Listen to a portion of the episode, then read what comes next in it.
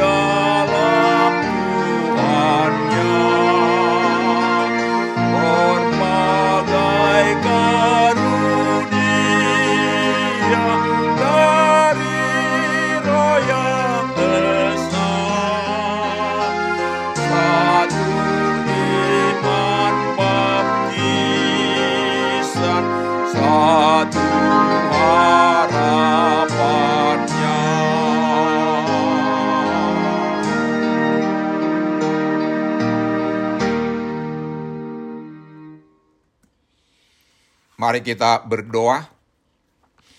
Tuhan Yesus, di pagi hari ini kami hendak merenungkan firman-Mu.